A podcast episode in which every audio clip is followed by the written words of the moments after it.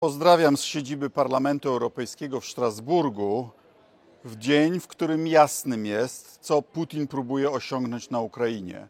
Próbuje spowodować, aby Ukraina była niemożliwa do zamieszkania.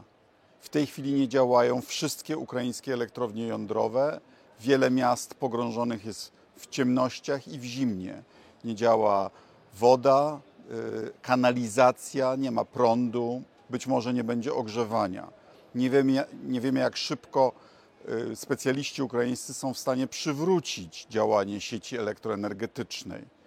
Mam nadzieję, że jako Unia Europejska i jako Polska zdążymy z, dostaw z dostawami ciepłej bielizny, śpiworów, generatorów prądu. Putin próbuje spowodować gigantyczną falę uchodźców, licząc na to, że nie tylko wypróżnił Ukrainę z ludzi, ale zmusi też nas do zaprzestania pomocy dla Ukrainy. A powinniśmy zrobić dokładnie odwrotnie.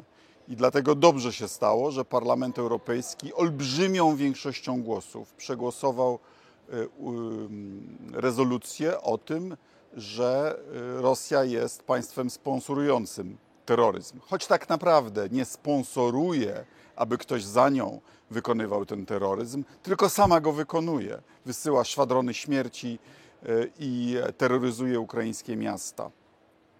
Oby skutkiem tej rezolucji i naszego apelu do pozostałych instytucji europejskich było to, co już ma miejsce w Stanach Zjednoczonych, to znaczy ofiary reżimu terrorystycznego mogą dochodzić swych praw i odszkodowań w amerykańskich sądach.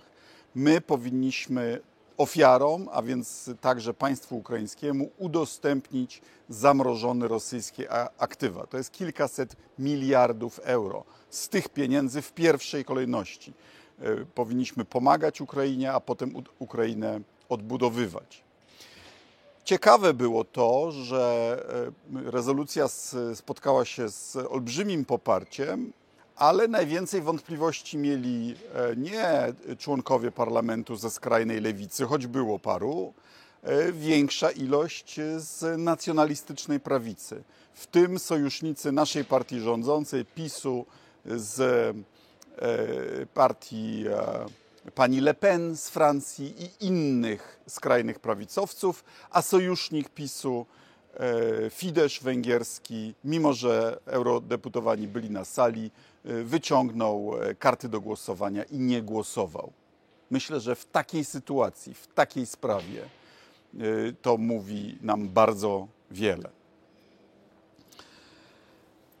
Przyjęliśmy też budżet na przyszły rok, w którym zabezpieczyliśmy dodatkowe środki na program Erasmus i na wsparcie uczniów na Ukrainie 120 milionów euro, dodatkowe 150 milionów euro na pomoc y, humanitarną ona, oraz dodatkowe 60 milionów euro na wzmocnienie mobilności militarnej w Unii Europejskiej.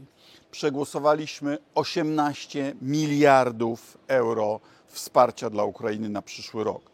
To jest półtora miliarda euro miesięcznie. To są środki niezbędne do tego, aby państwo ukraińskie działało, aby działały szkoły, straż pożarna, urzędnicy przychodzili do pracy, aby te ekipy e, ratunkowe, które tak desperacko próbują e, naprawić ukraińską sieć elektroenergetyczną, e, miały z czego żyć, aby działały. Głosowaliśmy też sprawę praworządności na Węgrzech. Węgry teraz na chybcika próbują realizować e, wskazówki, postulaty Komisji Europejskiej, ale tu już po tylu latach zwodzenia i po takiej korupcji, z jaką mamy do czynienia na Węgrzech, mało kto już rządowi węgierskiemu ufa. I dlatego ta rezolucja też przeszła i niech ona będzie przestrogą. Y, za każdym razem, gdy pan premier Morawiecki wygłasza tutaj y, tyrady anty, antyeuropejskie, Legutko, pan Jaki, pani Szydło, y, cała ta nacjonalistyczna kamaryla, to ma ten skutek, że Parlament Europejski, jego większość dochodzi do wniosku, że mamy do czynienia z eurofobami, takimi jak węgierscy eurofobowie, którym nie można bezpiecznie powierzać europejskich pieniędzy. I dlatego zamiast, zamiast dotacji i tanich pożyczek dostajemy kary. I to jest wyłączna wina rządu w Warszawie. E, przegłosowaliśmy także e, parytety, jeśli chodzi o e, proporcje kobiet wśród dyrektorów i ogółu stanowisk kierowniczych w dużych spółkach europejskich w przyszłości. Oraz opowiedzieliśmy się za wzmocnioną polityką rozszerzeniową Unii Europejskiej. Niestety sytuacja praw człowieka jest też fatalna w Afganistanie i w Egipcie. W Afganistanie znowu mamy publiczne, jeszcze nie egzekucje, ale, ale kary chłosty, coraz gorsza sytuacja kobiet, a w Egipcie niestety e, bardzo zła sytuacja więźniów politycznych.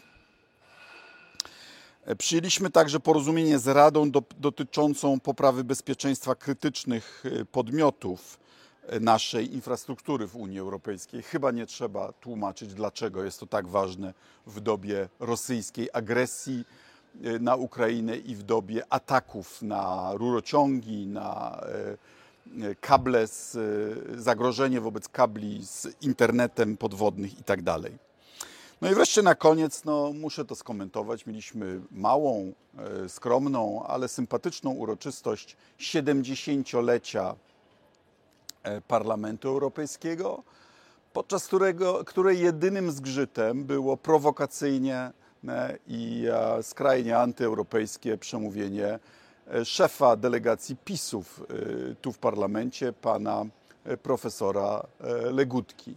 Ja rozumiem, że można mieć inne zdanie, można być krytycznym, ale czy jubileusz 70-lecia naprawdę był najlepszym momentem dla wygłoszenia tyrady wobec Parlamentu Europejskiego. Szef e, e, delegacji pisowskiej uważa, że ten parlament powinien być rozwiązany. Znaczy, wszystkim udowodnił, jak bardzo PiS nienawidzi Unii Europejskiej, jej parlamentu i że w zasadzie do dzisiaj jeszcze nie wszedł mentalnie do Unii Europejskiej. Więc tutaj nikogo nie dziwi, gdy e, Kaczyński mówi, że trzeba etycznie rzecz biorąc, tak mówi Kaczyński, z Unii Europejskiej wyjść.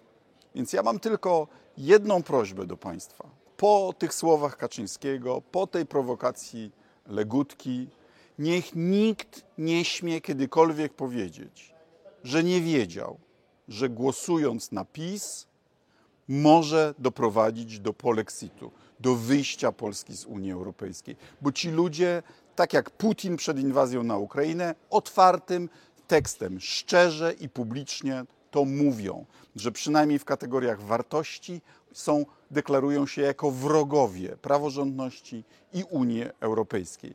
A słowa mają konsekwencje. Na początku było słowo, a słowo niestety także w tym wypadku staje się ciałem. Dziękuję bardzo. Do zobaczenia.